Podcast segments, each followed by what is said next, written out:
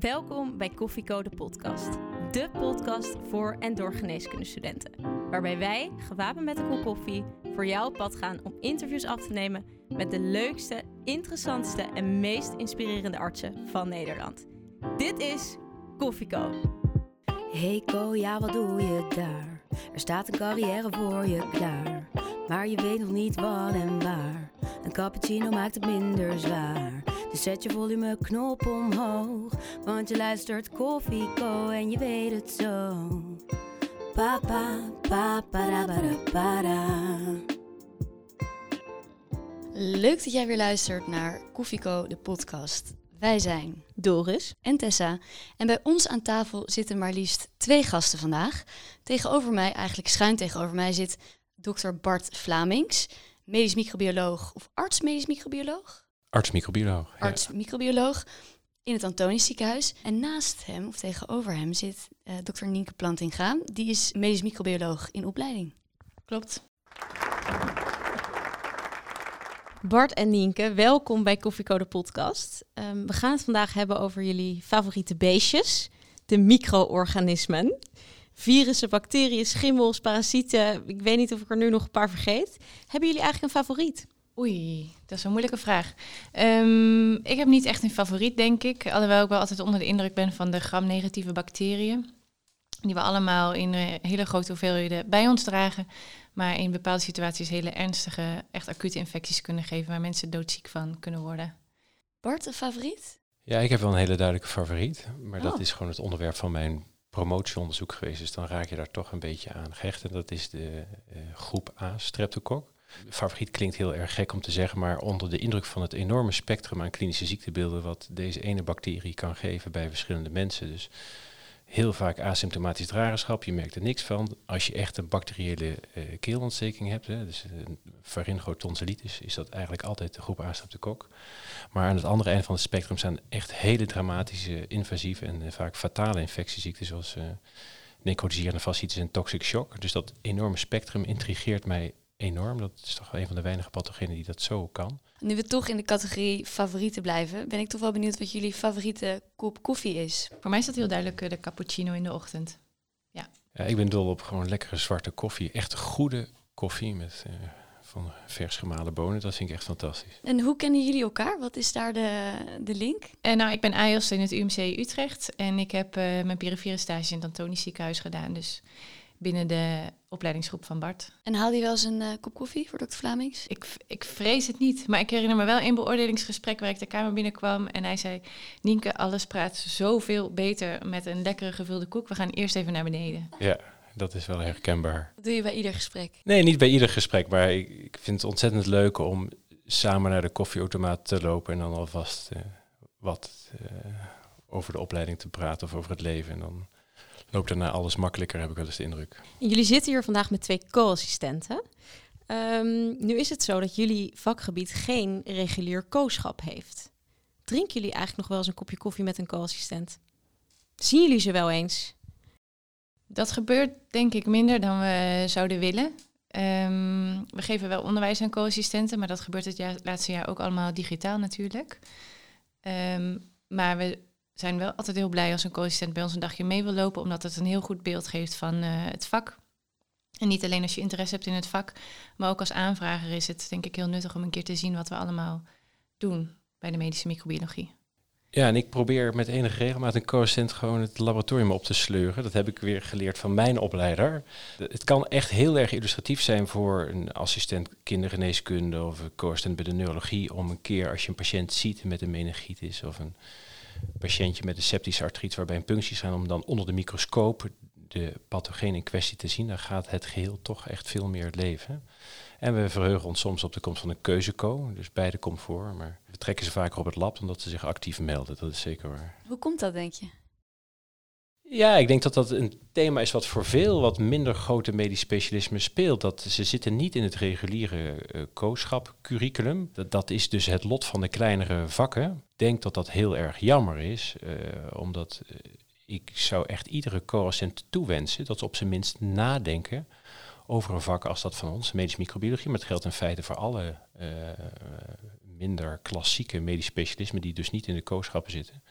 Omdat daar echt ware pareltjes tussen kunnen zitten. En je moet jezelf op zijn minst eh, de ruimte gunnen om erover na te denken. Ben ik meteen eigenlijk wel nieuwsgierig hoe jij, u was. U of jij? Eh, ik zou het heel fijn vinden als u jij zou willen zeggen. ik denk dat het wel lukt. Ehm, hoe jij dan was als co-assistent? Eh, nou, ik, ja, ik vond het overal vond ik het echt fantastisch. Ik vond het echt heel erg bijzonder om uh, zoveel verschillende vakken in zo'n korte tijd te zien. Dat heb ik altijd, dat is, dat is niet een soort romantisering achteraf. Maar het, het, eh, ik begon bij de interne en daar maakte ik van alles mee. En dan zat vervolgens bij de heelkunde, dan stond je op OK en toen ging ik naar de psychiatrie en zag ik voor het eerst een acute psychose. En weer een maand later bij een spreken zag ik voor het eerst een eh, bevalling. Nou, dat geheel, hè, dat vond ik echt heel erg indrukwekkend. Uh, dus ik bewaar er overwegend hele goede herinneringen aan. Ik denk uh, wat een minder punt is aan de co-schappen, wat denk ik ook iedere co herkent, is dat het soms heel moeilijk is om je rol te nemen of een rol te hebben. Uh, je bent haast per definitie passant en je bent ook nog zo groen als gras. En die twee maken dat je niet zo makkelijk een soort structurele rol krijgt toebedeeld. Dus uh, dat, dat vond ik wel eens lastig. En juist ook weer bij de wat kleinere vakken. Dan zat je toch wel, tenminste ik zat met enige regelmaat ergens rechts, rechtsachter, de specialist op, op een kruk. krukje, uh, te dommelen. Dus dat vond ik lastig, ja. En Nienke, hoe heb jij de kooschappen ervaren? Ja, wel een beetje vergelijkbaar als Bart. Maar ik uh, vond inderdaad ook het feit dat je overal maar zo kort bent... soms best wel lastig. Als je eerst nodig hebt dat je toch een klein beetje weet met wie je te maken hebt en op welke plek je zit, dan is een kooschap soms wel weer voorbij voordat je jezelf echt uh, als een vis in het water voelt. Ik ben zelf eigenlijk pas echt in mijn witte jas gegroeid toen ik ging aanjossen, dus na mijn uh, opleiding. En was je daar naar op zoek naar een plek waar je je als een vis in het water voelde? En hoe ben je dan uiteindelijk bij de medische microbiologie terechtgekomen? Ja, dat is een hele goede vraag, denk ik. Daar heb ik een eind voor moeten zwemmen.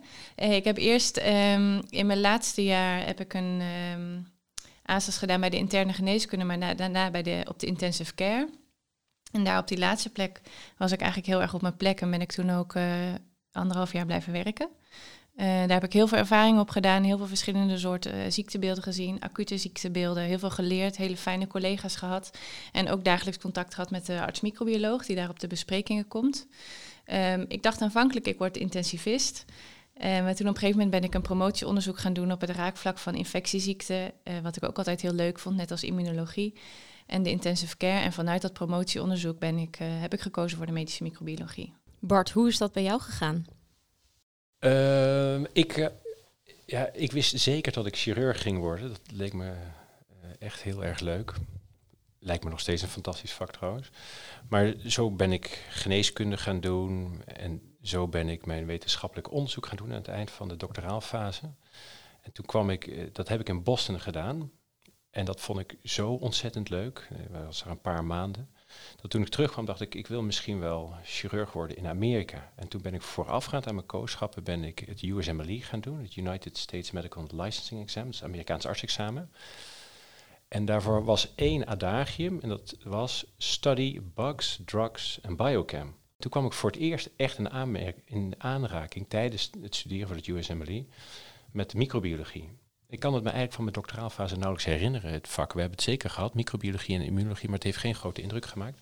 Maar toen dacht ik, en toen leerde ik dus over al die pathogenetische routes en antimicrobiële resistentie en hoe antibiotica kunnen aangrijpen en, en wat dat betekent voor de patiënt. Dat zat heel, dat zat heel leuk in dat USMLE. En toen dacht ik voor het eerst, nou dat is wel heel erg interessant. Daar ga ik in de, in de chirurgie veel lol van hebben. En toen begon ik met mijn kooschappen. En toen merkte ik tijdens die kooschappen dat ik infectieziekte casuïstiek gewoon echt heel erg interessant vond. En dat was dus ook gelijk een soort existentiële crisis, crisis. bijna. Ja. Want ik dacht, ik ga iets snijdends doen. En, en, maar mijn interesse groeide meer en meer naar die infectieziekte toe. Dus toen heb ik uiteindelijk, uh, toen dacht ik, moet ik dan internist-infectioloog worden of arts-microbioloog? Toen heb ik een keuzekooschap gedaan en toen wist ik het. Eigenlijk, ik stapte het lab op en toen dacht ik, ja, dit vind ik gewoon heel tof. Zo was het echt. Echt waar? En dat vraag ik ook heel vaak bij sollicitaties aan artsassistenten. Wat gebeurt hè, als mensen zich melden voor de microbiologieopleiding? Is er maar één lakmoesproef wat mij betreft. Er zijn er een aantal, maar één daarvan is... Hoe voel je je als je een lab opstapt? Want dat is toch voor een groot gedeelte je werkterrein. Maar wat gebeurde dan met jou? Ja, ik dacht, ik dacht aanvankelijk, wat stinkt het hier? Dat denkt iedereen. Die, ben je er eens, eh, is je eens geweest? Nee. Een- ja, Nou. we misschien één keer een rondleiding Nou, dan moet je echt een keer langskomen. Het is echt heel erg leuk, want het stinkt. Maar daar wen je heel snel aan. En dat valt ook wel mee trouwens. Maar vervolgens dacht ik, serieus, wat is dit? Een, een fantastische, laten we zeggen, intellectuele speeltuin. Hè? Er gebeurt heel bijzonder onderzoek. Helemaal in het kader van de klinische patiënt. En dat had ik redelijk vlot door. En toen dacht ik, nou, dan ga ik dit doen. En zo is het gegaan. Dat is de droom voor elke twijfelende co-assistent. Ja. Dat je ergens binnenloopt Ja, ja, ja. en het weet. Exact. Dat heb, dat heb je meegemaakt. Mm, Maar we moeten natuurlijk over jullie vak ook veel gaan, eh, gaan horen. En daar beginnen we eigenlijk met een klein stukje Wikipedia-tekst uitleg van wat is dat vak nou precies? Nienke, zou jij dat willen eh, uitleggen? Eh jazeker. Eh, als arts-microbioloog ben je eigenlijk specialist op het gebied van diagnostiek en behandeling van infectieziekten. En werk je als consulent voor eigenlijk al je collega's in het ziekenhuis, maar in sommige laboratoria ook daarbuiten voor huisartsen. Je kunt ook een rol hebben in de publieke gezondheidszorg. En daarmee werk je eigenlijk met een hele brede groep mensen samen.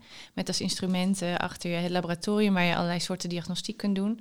En kun je heel vaak eh, de puzzel en met name de diagnose van de patiënt helpen oplossen. Of helpen vinden. Heel eh, kort en krachtig uitgelegd. Er zitten heel veel aspecten in waar ik alweer op door wil vragen. Maar voordat we dat gaan doen, eh, hebben we nog een klein stukje overtuiging nodig. En dat doen we altijd in de specialisten pitch. We hebben jullie al een beetje voorbereid. En Bart, jij gaat hem doen. In 30 seconden moet je de luisteraar overtuigen waarom dit vakgebied het leukste vakgebied is. Gaat het lukken? Eh, ja, dat moet kunnen. Ik, ga een beetje Nou. voort op wat eh, Nienke net zei, denk ik. Dan gaan we beginnen. De specialistenpitch. 30 seconden waarin jij de geneeskundestudenten ervan overtuigt om voor jouw specialisme te kiezen. Als arts-microbioloog, voortbordurend op wat Nienke net zei, ben je echt de spin in het web van de infectieziekteproblematiek in het ziekenhuis, maar ook in de eerste lijn in de verpleeghuizen. En dat is precies de charme. Die infectieziekteproblematiek, dat zijn echt puzzels. Wij worden gebeld door andere dokters. Dus we zijn een beetje de dokters dokter, zou je kunnen zeggen. En dat zijn dus altijd complexe puzzels die ze aan ons voorleggen. En jij bent dan verantwoordelijk voor de therapie tijdens de acute fase. En dat is buitengewoon relevant. Inadequate therapie kan echt heel slecht aflopen. Adequate therapie betekent dat mensen heel vaak hun leven weer... Is dit- was dit het nou? dat meen je niet. Mag ik nog een keer? Was dit het? ja, maar ga maar ga door. maar door. Ga maar door. Oh, Wat je-. Je krijgt een uitzondering. Oh, ja, oh, nou, dat is, eh, atte- nee, maar dat is echt de charme van het vak, dat het een enorme puzzel is die aan je voorgelegd wordt, die echt grote klinische implicaties heeft. Daar kunnen we zo meteen misschien nog over spreken, maar het gaat echt ergens over. En vervolgens ben je ook medisch eindverantwoordelijk voor het laboratorium waar de diagnostiek gebeurt. Dus je doet de empirische therapie, de diagnostiek laboratorium, en daarnaast zijn we ook nog eindverantwoordelijk voor de infectiepreventie. Dus het heet microbiologie, maar er is geen groter vak in de geneeskunde dan, de, eh, dan het vak van de arts-microbioloog. Het heet micro, maar het is eigenlijk macrobiologie. Het is echt een groot vak. En het aardige is dat je in de loop van je carrière ook verschillende accenten kan leggen.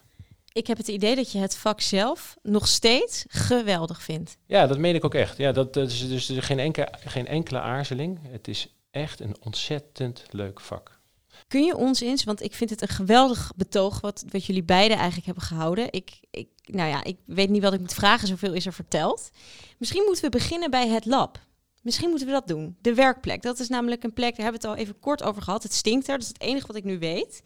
Ehm, kunnen jullie eens de sf- Nienke, misschien jij, kan je eens de sfeer in het lab beschrijven?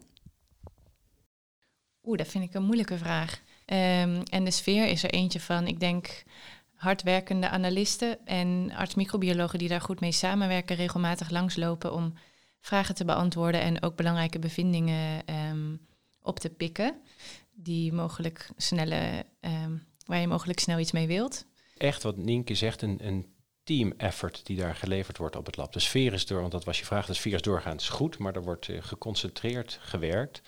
En een heleboel analisten zijn verantwoordelijk voor de diagnostiek van één patiënt. Ik denk dat een heleboel coaches die deze podcast gaan luisteren of collega's die het luisteren zich absoluut niet realiseren dat als zij een, een materiaal insturen van een patiënt waar een heftig klinisch beeld achter zit, dat een heleboel analisten echt weten van mevrouw Jansen, meneer Pietersen, waarvan ze een hersenvloeistof hebben ontvangen. En als daar een relevante pathogeen te kweken, is dat ze zich daar echt ontzettend voor inspannen. Het, zijn, het is een, uh, een soort whodunit, een soort Sherlock Holmes-achtig uh, werk soms. En de analisten zijn allemaal halo, opgeleide, echt slimme mensen, die zich daar op patiëntenniveau voor inspannen om uh, de, de betreffende verwekker te vinden. Want als je de verwekker vindt, dan ben je er. Hè. Dus je, je behandelt, in feite zou je kunnen zeggen, je behandelt niet de patiënt, maar je mishandelt de verwekker. Dus de crux van het vinden van, van, het, van die uh, veroorzakende pathogeen, dat is echt, echt een puzzel. En daar zijn die analisten ongelooflijk goed in en hoog voor opgeleid. Dus er hangt een geconcentreerde en toegewijde sfeer, zou je kunnen zeggen. Maar wat doen jullie dan als die analisten dat allemaal uitzoeken? Wat doen jullie dan? Wij zijn, uh, ja, wij zijn arts-microbioloog en dat is, ik vind dat wel toch een aardige titel, want we zijn, aan de ene kant zijn we dokter. Wij zijn heel vaak betrokken bij de intake, de consulten van, van die patiënten. Dat, uh, dat registreren we heel goed. Dus we weten welke kliniek er speelt, maar we zijn met het andere been samen in het laboratorium. Met het andere been zijn we microbioloog. En we moeten dus die vertaalslag leggen tussen enerzijds de kliniek en anderzijds die laboratoriumdiagnostiek waar we het net even over hadden. Dat is denk ik de essentie van ons vak. Wat is de verhouding uh, klinische patiëntenzorg en uh, labwerk? Dat wil ik nou wel eens weten. Nienke, hoe vaak sta je in het lab? Nou, in je, in je opleiding heel vaak, maar als arts-microbioloog um, loop je een paar keer per dag eigenlijk langs de analisten om, om ja, wat ik zei, vragen te beantwoorden. Of om zelf een kijkje te nemen. Soms dan krijg je ook een kweekuitslag, want je autoriseert al het werk wat zij doen. Waarvan je denkt, dit is toch uh, incompleet. Hè. Stel, er is een, um, een wondinfectie en, uh, en uit de kweker groeit eigenlijk niks en er staat bij het is een hondenbeter, dan kunnen we soms extra soorten kweken uh, uit de kast trekken om te kijken of we toch misschien die capnocytofaag of iets anders kunnen, kunnen kweken. Dus als een analist daar zelf niet op komt, dan komen wij met die suggestie en dan gaan we met de analist kijken hoe we toch uh, uh, het beestje boven tafel kunnen krijgen. En wat doe je de rest van de dag? De rest van de dag, ja, je beg- s ochtends beginnen we meestal met iets van een overdracht. Dan, uh, ja, de analisten beginnen vroeg met werken, dus de hele dag door druppelen hun resultaten binnen en die autoriseer je. Dus je bekijkt of de klinische gegevens en het, en het kweekresultaat en de eventuele extra tests die zij gedaan hebben, of dat compleet is en bij elkaar past. En zo ja, dan autoriseer je het en dan krijgt de aanvragende arts het resultaat direct uh, te zien. Um, als daar acute dingen bij zitten, zoals een positieve bloedkweek of een positieve liquor, dan ga je die gelijk doorbellen aan de aanvrager. Dus dan doe je eigenlijk een uitgaand consult. En daarnaast heb je een telefoon voor inkomende consulten, waar de hele dag mensen op kunnen bellen met vragen over diagnostiek uh, en behandeling. En we gaan naar een aantal besprekingen. Dus we zitten iedere dag op de intensive care. En dan zijn er nog een aantal andere vakken. Bijvoorbeeld prothese-infecties bij de orthopedie en de traumachirurgie of de endocarditisbespreking. Vakken waar je als arts-microbioloog echt met je kennis een toegevoegde waarde hebt, daar hebben we ook wekelijkse besprekingen bij. Ongelooflijk gevarieerd. Al deze Klopt. dingen. Dat is Ja, ook de charme. Dat is Ja. echt de lol van het vak. Ik moet er één ding uitpikken. Je, hebt, je zegt, ik heb een telefoon en die gaat, die gaat heel vaak af. Dit is een ja of nee vraag. Worden jullie te vaak gebeld? Voor kleine dingen. Ja. Nee. ik, ik keek wat Nienke zou zeggen. Dan. Ja. Waarom jullie... jullie Bart, waarom echt- ja? Waarom Ja? Beide is waar. Ik keek serieus wat Nienke zou zeggen, dan kies ik het tegenovergestelde. Nou, ik vind het, dit, eh, dit is wel een, een interessant thema, want soms dan eh, word je gebeld over iemand die acuut ziek is uit de tropen. Hè? Dat, een heftige presentatie en dan moet je heel goed nadenken en dan is datgene wat je samen met eh, degene die belt bespreekt, met name in termen van de empirische eerste therapie, is heel bepalend voor hoe die patiënt vergaat. Dus dat vind ik echt de essentie van ons vak. En dat soort consulten he- hebben we veel in een dag. Maar dan kan het zomaar zijn dat, dat je ophangt of dat je een tweede lijn ophangt en dat de co-assistent vraagt, hoe doseer ik ook alweer clindamycine? En dat kun je gewoon in 10 seconden ook zelf opzoeken. Dat, dat is maar een voorbeeld. Hè? maar dat contrast soms in die telefonische consulten qua klinische impact kan heel eh, groot zijn. En dan moet je soms wel inschakelen. Dus jouw vraag was, worden jullie te veel gebeld? Beide is waar. Dus je kunt ons niet genoeg bellen voor, eh, eh, ja, laten we zeggen, klinisch relevante vragen. Maar soms krijgen we dan een vraag daarna die iedereen zelf even had kunnen opzoeken en waar je dan ook echt beter van wordt. Dus dat, dat, eh, dat, dat contrasteert soms best wel sterk. En wat doe je dan? Wat zeg je dan? Ga maar zelf even opzoeken of geef je diegene dan toch het antwoord?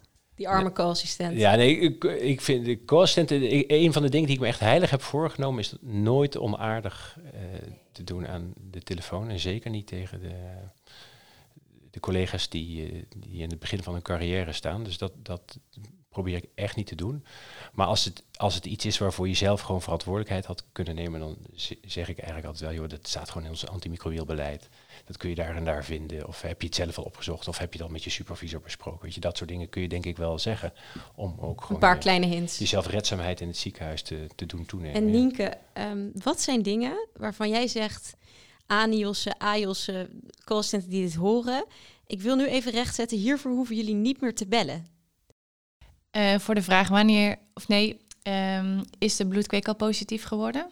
Daar hoeven we niet voor te bellen. Daar hoef je niet voor te bellen, want bloedkweken die gaan zo, die gaan in een flesje, die gaan in een stoof.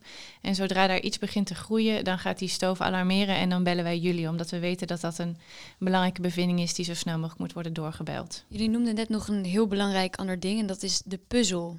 Hè, de, de dingen waar je eigenlijk heet het over na moet denken. Je moet een puzzel oplossen. Wat is nou een puzzel die jullie bijstaat, die jullie hebben opgelost eh, in je carrière?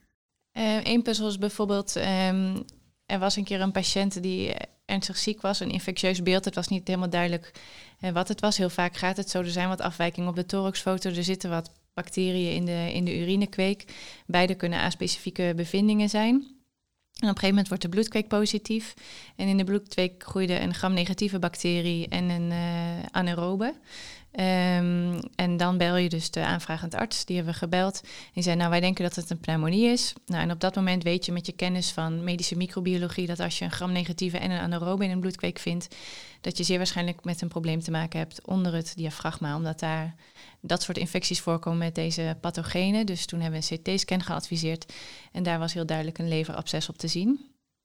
Uh, en dat is een voorbeeld van, van een casus waar, met je, waar je met je microbiologische diagnostiek heel duidelijk eigenlijk, nou ja, meer dan een puzzelstukje misschien wel de sleutel tot de diagnose hebt. En Bart, wat is, een, wat is een puzzel? Misschien wel een onopgeloste puzzel of een spannende puzzel. Wat is iets wat jou te binnen schiet? Ja, dan kom je denk ik toch wat meer op de... Mensen nou eenmaal meer toegerust op het herinneren van dingen die uh, niet helemaal goed zijn gelopen dan op de dingen die wel uh, goed gaan misschien. Ik moet, uh, toen ik net begon, was er een, uh, was er een casus van een jonge vent, uh, gewoon gezond, hè, blanco voorgezien, die een onbegrepen infectiologisch beeld had in het ziekenhuis. En dat ging eigenlijk alleen maar slechter. En daar hebben we veel overleg over gehad. Dus heel veel beeldvorming gedaan. Bloedkweken bleven negatief. PET-scan liet niks zien. Echo-core liet helemaal niks zien. En op een gegeven moment ontwikkelde die man acuut hartfalen en had hij wel degelijk een papillairspuurruptuur op basis van een endocarditis. Uh, en een dag voor zijn overlijden is hij geopereerd en kwam er wel degelijk een verwekker uit, uh, die een gekende verwekker van de endocarditis is, maar die gewoon op geen enkele manier uit de diagnostiek kwam. En die een hele specifieke behandeling vroeg die niet in, die niet in ons beleid zat. En uh, dat, dat was denk ik ook gelet op de, de bijzondere verwekker, iets wat je niet zomaar, eh, wat, achteraf gezien ook niet anders. Uh, dat was wel mijn absolute eye-opener toen ik net begon met de opleiding. Van hoe, hoe enorm de implicaties zijn van goede diagnostiek, goede infectiologische differentiaaldiagnose. Dat, dat, ja, dat, is niet altijd voor iedereen even zichtbaar. Niemand ziet die gekke bacteriën. Hè. Dat is een beetje ook het manko van ons vak. Het is heel moeilijk om er beeldend over te spreken of om er echt een ja, helder beeld bij te hebben, bijna letterlijk. Uh, maar maar dit, dit, dit was net in het begin van mijn opleiding wel de, de ultieme wake-up call van hoe relevant het is. Wat deed het met je? Het is toch een hele heftige casus eigenlijk. Ja, dat is het. Dat is het. Ja, dat, met name denk ik toch het, het idee hoe, hoe belangrijk uh, het is dat je je werk goed doet. Dat, dat is, het is heel eerzaam, vind ik, om te werken in de geneeskunde. Zorg is vind ik echt heel bijzonder om daarin te mogen werken. Maar het is ook een enorme verantwoordelijkheid. Ongeacht wat je, wat je gaat doen. En mensen, wat ik nu vertel, associëren mensen niet onmiddellijk met de microbioloog. Hè. Nee. Dat verwacht je misschien meer van de vaatchirurg die een geruptureerd aneurysme niet op tijd uh, uh, gerepareerd kreeg, zou ik maar zeggen. Maar dat, dat geldt voor heel veel vakken. Dat de implicaties daarvan, als, je, als het net niet goed gaat, heel, uh, heel verstrekkend kunnen zijn. De amnese is zo ontzettend belangrijk. Maar jullie zijn jullie werken op het lab, jullie hebben geen poli. Wanneer doen jullie die anamnese? Nou, die, die doen we inderdaad niet zelf. Dus we, zodra wij een consult krijgen, dan, dan vragen we het of uit aan de arts of we kijken in het systeem. wat er bij opname bekend is geworden. Ik zie het nog niet helemaal voor me. Wanneer de marts, uh, medisch microbioloog tegenover de patiënt zit. Wanneer gebeurt dat? Nou, dat eerlijk gezegd gebeurt dat ook heel weinig. Ja. Of eigenlijk niet. Hè. We worden, uh, althans niet in eerste instantie. We worden gebeld door collega's op de spoedeisende hulp, van de heelkunde, vanaf de intensive care, longen. Eigenlijk alle uh, medische specialismen weten ons te vinden voor consulten over, over een patiënt met een infectieziekte. Maar de anamnese, het lichamelijk onderzoek, de beeldvorming, wordt gedaan onder regie van de betreffende hoofdbehandelaar. En zij bellen ons dan voor advies met betrekking tot diagnostiek en behandeling. Dus wij gaan, zeker in de opleidingssetting, zoals Nienke net uh, vertelde, gaan we wel, wel eens langs. Uh, maar de intake en het uh, onderzoek is gedaan door, door iemand anders. Door een collega. Ik kan me voorstellen dat je dan ook wel eens een stukje informatie mist, die voor een collega niet cruciaal leek, maar voor jullie vak wel cruciaal is. Ja, dat klopt. Daarom stellen we tijdens consulten ook best vaak toch weer wedervragen van... wat weet je hierover? Is er een reisanamnese? Um, dat soort zaken. En missen jullie het wel eens om tegenover de patiënt te zitten? Bart? Ja, ik, zeker. Dat, dat, ik denk als je de medische microbiologie overweegt, is dat een van de grootste dingen die je moet realiseren. Dat je geen direct patiëntencontact meer hebt, of heel weinig. Uh, en dat je ook dus niet hoofdbehandelaar bent. En daar moet je dus goed over nadenken als je dat ontzettend zou gaan missen, dan, dan is het niet je vak. Uh, anderzijds denk ik ook wel eens dat soms is de lading als je geen direct patiëntencontact hebt, dat, dat het haast geen leuk specialisme of geen leuk vak in de geneeskunde kan zijn. En dat is volgens mij echt niet waar. Het merendeel van mijn middelbare schoolvrienden is iets anders gaan doen dan de geneeskunde, hebben dus per definitie geen patiëntencontact. En er zitten toch hele gelukkige jongens tussen. Dus, dus je hoeft, het, het is niet dat het uh, ik, ik, mis het zeker. Ik, ik, was echt ontzettend onder de indruk van, uh, met name bij de psychiatrie en ook in de huisartsgeneeskunde, wat de lading is van uh, patiëntencontact en in de oncologie en zo. Dus dat, dat maakt je vak natuurlijk wel heel bijzonder. En dat hebben wij gewoon niet. Gevoelsmatig um, snap ik dat punt toch niet helemaal. Want je zegt, ja, veel van mijn vrienden hebben nooit iets met patiënten van doen. Maar ik ben wel dokter geworden omdat ik het leuk vind om met patiënten om te gaan. Um, ja, dat lijkt me toch wel moeilijk om afscheid van te nemen. Is ook zo. Dus ja, dat, dat vind ik ook nog steeds. Dat mis ik ook. Uh, dat mis ik ook. Dat is ook zo. Ik heb een paar dokters gezien bij mijn kooschappen en ook in mijn, uh, bij collega's waar ik nu nog mee te maken heb. En als ik hun dan zie of hoor, hun hoor praten over hun patiëntencontact of families die ze al heel lang volgen in de huisartsgeneeskunde of mensen die hun diepste roerselen delen dat hebben wij minder. Dat is, dat is gewoon zo. En dat, ja, dat is wat het is. Dus dat moet je realiseren dat je dat inlevert. Daar staat heel veel leuk contact tegenover. Hè. Dus wij spreken heel veel mensen op een dag, heel veel collega's. We hebben heel veel interactie met de analisten. Heel veel met, uh, met het ziekenhuis in het algemeen. Dus wij, we praten genoeg, zal ik maar zeggen. Maar dat element van één op één contact met een patiënt, ja, dat hebben we echt uh, niet. Dat moet je... En Nienke, als je nou drie um, ja, eigenschappen zou moeten opnoemen voor een goede medisch microbioloog, wat zou je dan zeggen? Um, ik denk dat je heel goed moet kunnen samenwerken. Um, ik denk dat je het leuk moet vinden om je te echt te verdiepen, want het is een heel inhoudelijk vak. En als derde, wat ze als derde zeggen? Ik denk dat je gewoon een hele oprechte interesse in infectieziekten moet hebben. En dat raakt dus wel degelijk aan de arts-patiëntrelatie, maar indirect. Het gaat wel over patiëntenzorg, maar indirect. Oké, okay. en, en Nienke, wat zie jij? Jij bent in opleiding. Hoe ver ben je inmiddels? Ik begin aan mijn vierde jaar. Oké, en wil je ons eens vertellen hoe die opleiding eruit ziet? Uh, Jazeker, je doet in je opleiding uh, laboratoriumstages. Dus je krijgt eigenlijk een soort snelle opleiding tot analist, omdat je al het werk wat zij doen, dat, dat moet je later kunnen superviseren. Um, en daarbij leer je al die technieken die ik eerder benoemd heb in het laboratorium. Dan doe je uh, consultenstages, dus waarbij je eigenlijk echt als arts-microbioloog aan het werk gaat, zoals je dat later ook doet. En die doe je zowel in de academie als in, uh, um, in een perifeer ziekenhuis. En we doen ook een stage bij de virologie, omdat dat toch net weer wat andere discipline is, wat ze eigenlijk bijna alleen in de academie hebben. Um, dan doe je een stage in de openbare gezondheidszorg, dus iets bij de GGD of het RIVM of een ander soort project. En wat ben ik dan nog vergeten? Een stage infectiepreventie. Het is enorm veel, het is enorm veelzijdig. En je begon, of je zei eigenlijk al iets waar, waar ik van aanga, want dat begrijp ik niet helemaal.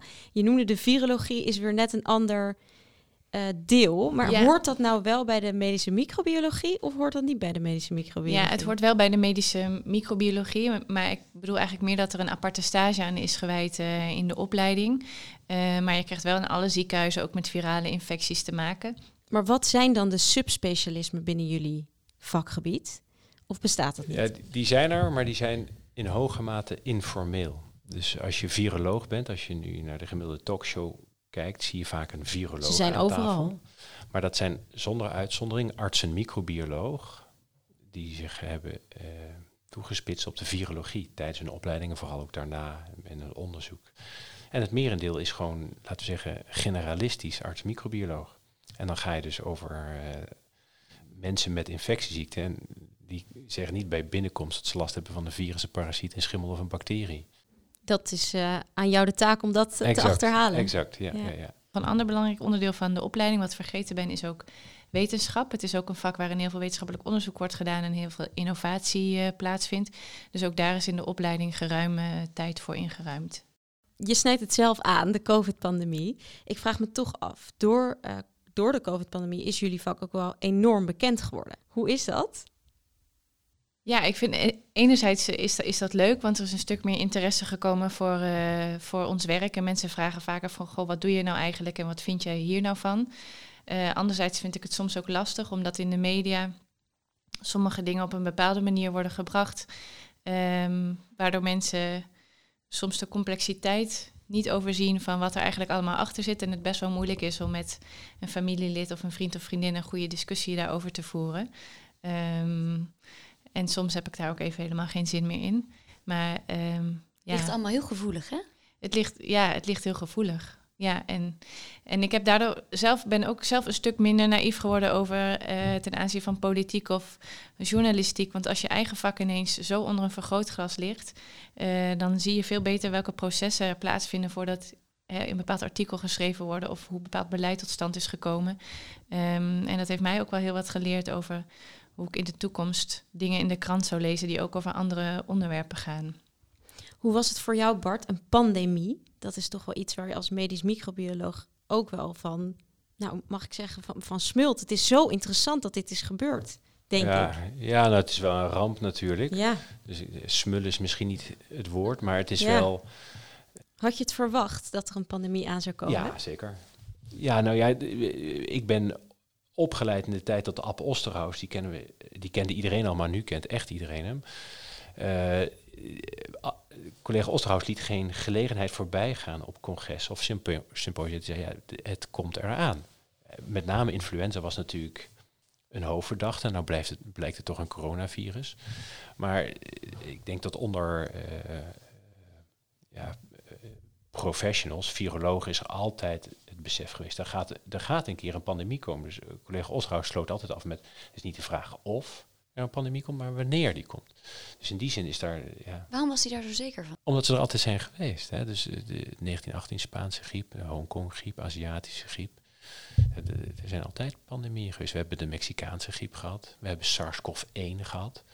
Dus ja, de, de- Ik moet het toch vragen. Hoe gaat onze toekomst met corona, COVID eruit zien? Ik hoop heel erg dat het eh, ehm, als virus de status krijgt van het influenzavirus, van het griepvirus. Dus het is absoluut niet hetzelfde virus. Maar dat het straks een ziektebeeld is wat, eh, waarvoor kwetsbare mensen gevaccineerd eh, zijn of blijven worden. Misschien als er ook nieuwe varianten optreden. En waar relatief gezonde mensen die op een gegeven moment het virus één keer gezien hebben, net als een griepvirus, dat redelijk kunnen handelen. Dat is wat ik hoop. En dat dan de maatschappij er weer enigszins en normaal zonder restricties uitziet. Maar ik durf niet te zeggen of dat de werkelijkheid wordt. ja, dat ja, ik denk dat die, dat is precies zoals Nienke het zegt. Zo eh, eh, zal het hopelijk gaan. De vraag is wanneer we in staat zijn om te zeggen, nou, we, we, we gaan weer in hoge mate terug naar normaal. Maar op enig moment zullen we dat toch moeten doen. De co-telefoon. Nou, de co-telefoon, die gaat altijd eh, op het moment dat het niet uitkomt in een goed eh, gesprek over corona deze keer. Ehm, misschien wel een beetje saved by the bell. Door om eh, klaar om door te gaan. En de, deze keer is de co-telefoon weer ingestuurd door een van onze luisteraars. Eh, dank jullie wel daarvoor. Welk monster vinden jullie het leukst om te beoordelen? Bart. Nou, zonder enige twijfel de monsters, want je bedoelt een patiëntenmonster, Patiëntenmonster. eh, waar een eh, indrukwekkende kliniek bij hoort. Is er nou een stereotype medisch microbioloog? Kunnen jullie eens vertellen wat voor mensen jullie collega's zijn? En de grap vind ik eigenlijk dat het juist heel erg eh, gevarieerd is. Dus, en ik denk dat dat juist ook wel de kracht is van eh, ons vak. Dat als je al, al dat soort mensen in je team hebt, eh, je een heel complete dienst kunt leveren. En Bart, jij doet de sollicitaties ook hè, voor de opleiding. Wat zijn dingen waar jullie op letten? En, en heb je een tip over hoe je deze opleiding kan gaan doen? Ja, wat ik, wat ik net al zei. eh, als je een deel van de elementen die we net, die we afgelopen, eh, hoe lang zitten we hier? Uurtje besproken hebben. Als je denkt van, nou, dat, in, dat spreekt me wel aan.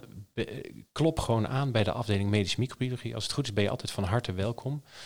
Ehm, en eh, als je dan denkt van, nou, dat zou wel eens wat van mij, voor mij kunnen zijn, dan moet je vooral veel met, met collega arts en microbioloog over het vak praten. Dan krijg je vanzelf een beeld bij wat het nou precies betekent en of het, eh, of het wat voor je kan zijn. En eh, wat Nienke net heel terecht zei, er zijn heel veel accenten te leggen in de loop van je carrière. Je kan het heel klinisch, je kan het heel bedrijfsmatig, je kan het heel fundamenteel moleculair biologisch invliegen. Er is heel veel plek in medisch microbiologisch Nederland voor, eh, voor verschillende vormen van expertise.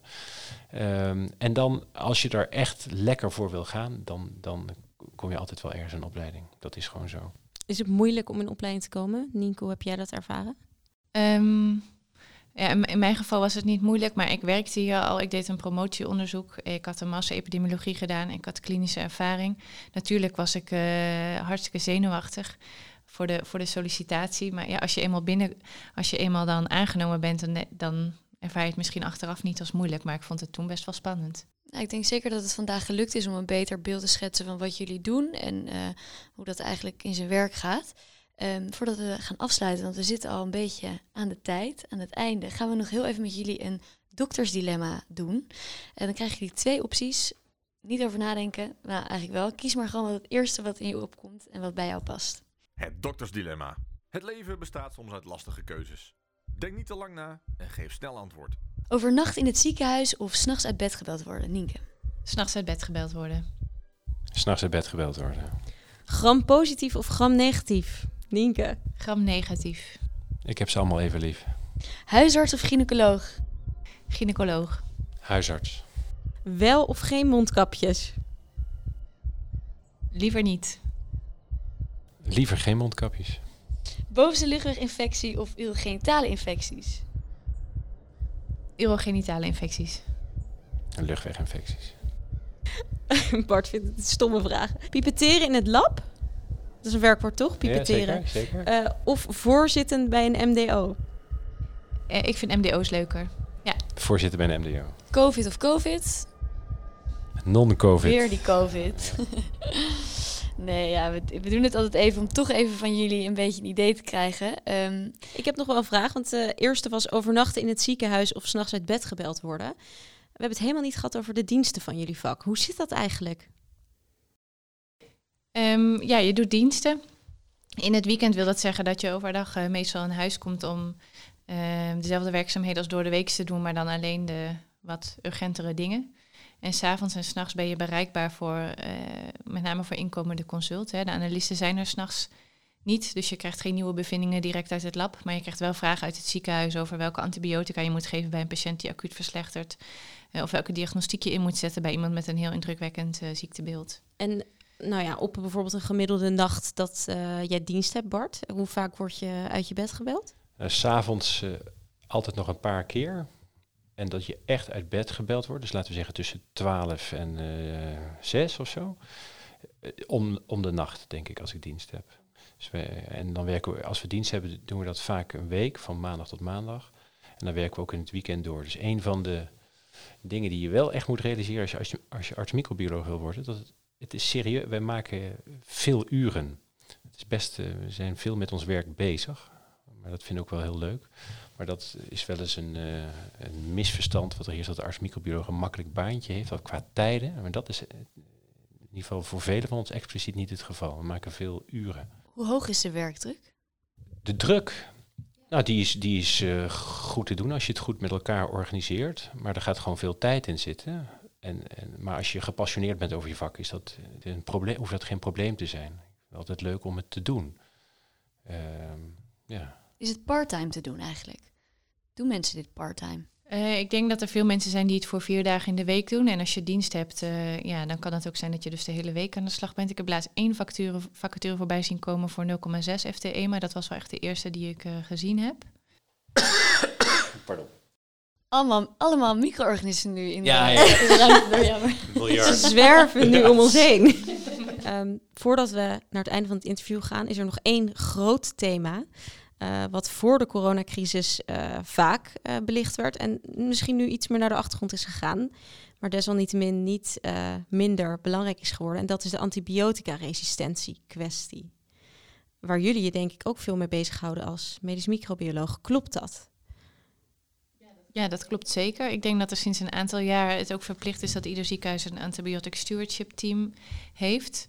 Eh, dus waar de arts-microbioloog en de apotheker en andere artsen samenwerken om verstandig gebruik te maken van eh, antibiotica. Ik denk dat daar in Nederland al heel veel bewustzijn over is. Eh, ik heb ook wel eens een radioreclame gehoord. En als je de gemiddelde moeder van een kind vraagt wat ziek is, dan hebben ze het liefst geen antibiotica als het niet nodig is. Terwijl je in Zuid-Europese landen of in andere delen van de wereld je dat gewoon zelf kunt kopen. Of je niet goed behandeld voelt als je niet zonder antibiotica naar buiten komt, ook voor een virale infectie. Dat Wordt doen we heel- eigenlijk goed hier in Nederland. Dus. ja, we hebben het relatief goed hier in Nederland. Het, la- het lastige alleen met de ontwikkeling van nieuwe antibiotica is, is dat als je een nieuw antibioticum vindt voor die ene superresistente bacterie, dat die boven op de plank eh, in het magazijn komt te liggen en heel weinig gebruikt wordt, waardoor de ontwikkeling van dat soort antibiotica voor farmaceuten niet zo heel interessant is. Maar er wordt wel, ja, er wordt wel aan gewerkt. Maak je er wel zorgen om, de antibiotica-resistentie? Ja, zeker. Ja, en, en niet, dat, niet omwille van het interview om dat te zeggen, maar dat is, het is echt een eh, dreiging. COVID hebben we het nu over gehad, dat is heel urgent. Antimicrobiële resistentie is niet zo urgent, maar het is ongelooflijk belangrijk. Wat we ons echt moeten realiseren is dat antibiotica zijn het grote succesnummer in de geneeskunde van de 20e eeuw geweest. Hè. Als je kijkt naar de top 10 doodsoorzaken van de grootvaders, van onze grootvaders, dus laten we zeggen rond 1900, was de top 3 waren infectieziekten. Pneumonie, tuberculose, gastroenteritis. En dat is helemaal veranderd in 100 jaar. Dat is zeker een verdienste van het riool, van openbare voorzieningen, vaccinatie, maar ook echt in hoge mate van antibiotische therapie. Heel veel moderne geneeskunde is geënt op antibiotische therapie. Ook al het knaps wat op elkaar gebeurt, gaat uit van de impact van chirurgische profilaxe om postoperatieve wondinfecties of protheesinfecties te voorkomen. Dat staat of valt allemaal bij beperkte resistentie van de pathogenen waar we het over hebben. En het wrangen van het succesnummer van de geneeskunde van de 20e eeuw is dat die boemerang keihard terugkomt. Want de oogst, als je therapie geeft, oogst je resistentie. Een soort microdarwinisme. Hè. Wij leggen de selectiedruk op van antibiotica. De oogst is altijd resistentie. Dus je behandelt een individu, maar er zit altijd een schadecomponent op populatieniveau. En dan moet je als dokter, ongeacht wat je later gaat doen, moet je je echt van bewust zijn. Dus gerichte therapie alleen als het nodig is. Dat is ook iets meteen waar wij ja, ter voorbereiding van dit interview iets over lazen. Is het nou wel nodig om zo'n zeer brede en geldverslindende geneeskundeopleiding eh, en die kooschappen te doen als vooropleiding voor een microbioloog? Wat vinden jullie daarvan? Ja, wat mij betreft is het antwoord daarop echt heel eenduidig ja. Dus om het werk goed te doen, moet je de geneeskunde begrijpen. Als je het mes op de keel zit, ben je meer arts of meer microbioloog. Zou ik zonder enige twijfel zeggen meer arts. Dus dat kan echt alleen met een hele brede geneeskundige baan zijn. We hebben met alle specialismen te maken. Het is in dit interview ook duidelijk geworden voor mij hoor, wat het antwoord is op deze vraag. Jullie, eh, Dat het de doctors, is. dan moet je wel Ja. weten wat de doctors ja, doen. Ja, ja, ja, exact. Tegelijkertijd is het daarmee denk ik ook de opleiding waar je het meest bleu aan begint. Want het stukje microbiologie is in de basisopleiding weer heel weinig aan, aan, eh, aan bod geweest. En dus moet je ook heel veel nieuwe kennis vergaren om eh, bij de eindstreep te komen. Dat lijkt me dus best wel lastig. Heb je zo lang gestudeerd, ben je, heb je zoveel Ja, kennis klopt. tot je genomen. En dan mag je eigenlijk weer helemaal vanaf nul beginnen. Dat is een groot probleem in de opleiding. Sommige Ja? mensen vinden dat gewoon niet leuk. Die stoppen dan? Ja, dat komt voor. Met name vanwege wat je nu schetst. Dat is eh, natuurlijk heel gek als je je kooschap hebt afgerond en je kunt op de spoedeisende hulp je steentje bijdragen. Dan heb je gelijk een hele duidelijke geneeskundige taak en dat voelt heel goed. En het stomme aan die opleiding tot arts microbioloog is dat je begint met dat microbiologen deel, want dat heb je gewoon niet gehad in de geneeskundeopleiding, maar is wel de basis waar je op staat. Maar dat betekent dus in de praktijk dat je gewoon weer een paar jaar teruggaat in het lab om je te bekwamen in die, die wonderlijke wereld van de microben. En dan moet je wel doorheen. Uiteindelijk word je gewoon weer dokter en ga je over zieke mensen. Maar de weg daar naartoe is. Uh, en ja, vereist enige bescheidenheid. Wat vond jij dat, want Nienke, voor jou is dat niet lang geleden. Was het een, uh, waren dat zware tijden of viel het mee? Nee, ik vond het helemaal geen zware tijden, want uh, het opleidingsklimaat is heel erg goed. Um, ik, en ik vind het gewoon heel erg leuk om nieuwe dingen te leren. En je hebt in die tijd relatief weinig verantwoordelijkheid. Dat kun je jammer vinden, maar dat geeft je wel heel veel ruimte om al die kennis gewoon uh, tot je te nemen. Het heeft ook voordelen. Zeker. Heel erg bedankt voor jullie ongelooflijke uh, enthousiasme waarmee jullie dit hebben verteld, dit vak. Um, ik ben in ieder geval een stuk enthousiaster. Ik weet veel beter wat het inhoudt. Echt heel erg leuk. We eindigen altijd met een tip. Een tip voor de consultant, een tip voor de jonge dokter. Bart, steek van wal. Als ik terugkijk, ben ik ontzettend blij dat ik zo'n moment heb gehad dat ik heel kritisch naar mezelf keek en dacht, Vlaams, wat wil je nou? Wat vind je nou echt? Ik vond de geneeskunde altijd fantastisch, maar jezelf dwingen om, om echt uh, oprecht naar jezelf te kijken en zeggen, welke elementen, waar wil ik nou de rest van mijn leven echt in door? Dat kan best een lastig proces zijn, zeker als je een soort vooringenomen idee hebt, of misschien door vrienden of familie ingegeven van, nou, dit wordt mijn hoek. En uh, het, het, kan best wel wat uh, moeilijke en oprechte introspectie vereisen om, om voor jezelf na te gaan waar je nou echt blij van wordt. En die ruimte moet je jezelf als co gunnen. Ga kritisch bij jezelf te raden waar je de rest van je carrière je energie in wil steken. En dat hoeft lang niet altijd het klassieke plaatje te zijn. En neem daar de ruimte voor. Je rommel een beetje aan, je hebt de tijd. Hè. Mensen maken zich soms druk over hun cv. Ja, de, oh ja, misschien wil ik dat wel zeggen doe dat niet. nee, dat valt me echt op. Dat, uh, ja. Mooi, hele mooie tip. Nienke, wat is jouw tip voor de, voor de jonge dokters? Nou, ik had eigenlijk een beetje dezelfde. Um, we hebben het hier ook eventjes over gehad, maar ik, ik, kon echt geen betere bedenken. Um, ik ben zelf iemand die heel slecht keuzes kan maken. Ik vind heel veel dingen leuk in het leven. En, maar ik geloof er ook heilig in dat als je vandaag iets doet wat je vandaag leuk vindt, dat daar morgen iets op aansluit wat je morgen leuk vindt. Um, en ik denk dat je daar vooral niet te veel druk in moet uh, laten opleggen. Dus dat doe je met de keuze van een partner ook niet. Dan ga je ook niet de kroeg in en dan ga je zeggen: Ik moet precies weten met wie ik uh, 80 jaar wil worden. Nee, je begint gewoon bij iemand die je leuk vindt. En als, en, en als blijkt dat, dat hem dat toch niet helemaal is, dan stel je je wensen een beetje bij. En dan Schaaf je er een beetje anders. aan. exact. Ja, en zo kun je ook. Het, is heel, het, lijkt me fantastisch om precies te weten wat je wil en heel lineair op je doel af te kunnen gaan. Als je dat weet, dan moet je het vooral doen. Maar als, als dat voor jou niet zo werkt, dan moet je vooral van alles uitproberen. Ja. Heel erg waardevolle tip. Ik vind het ook een mooie one-liner om mee af te sluiten. Wat je vandaag leuk vindt, dat, uh, daar volgt waarschijnlijk iets op wat je ook leuk vindt. Mooi. Nou, dan zijn we nu echt bij het einde gekomen van dit interview. Hartstikke bedankt voor jullie tijd. Um, wij hebben er veel van geleerd. Luisteraars, jullie hopelijk ook. Uh, wat ik eruit meeneem en jullie denk ik ook, is als je het leuk vindt om een keer een dagje mee te lopen, schroom niet en uh, klop bij dat lab aan. Want volgens mij staan daar een paar mensen te springen om jullie een rondleiding te geven. Dank jullie wel. Tot de volgende keer bij Kofko. Pa, pa, pa,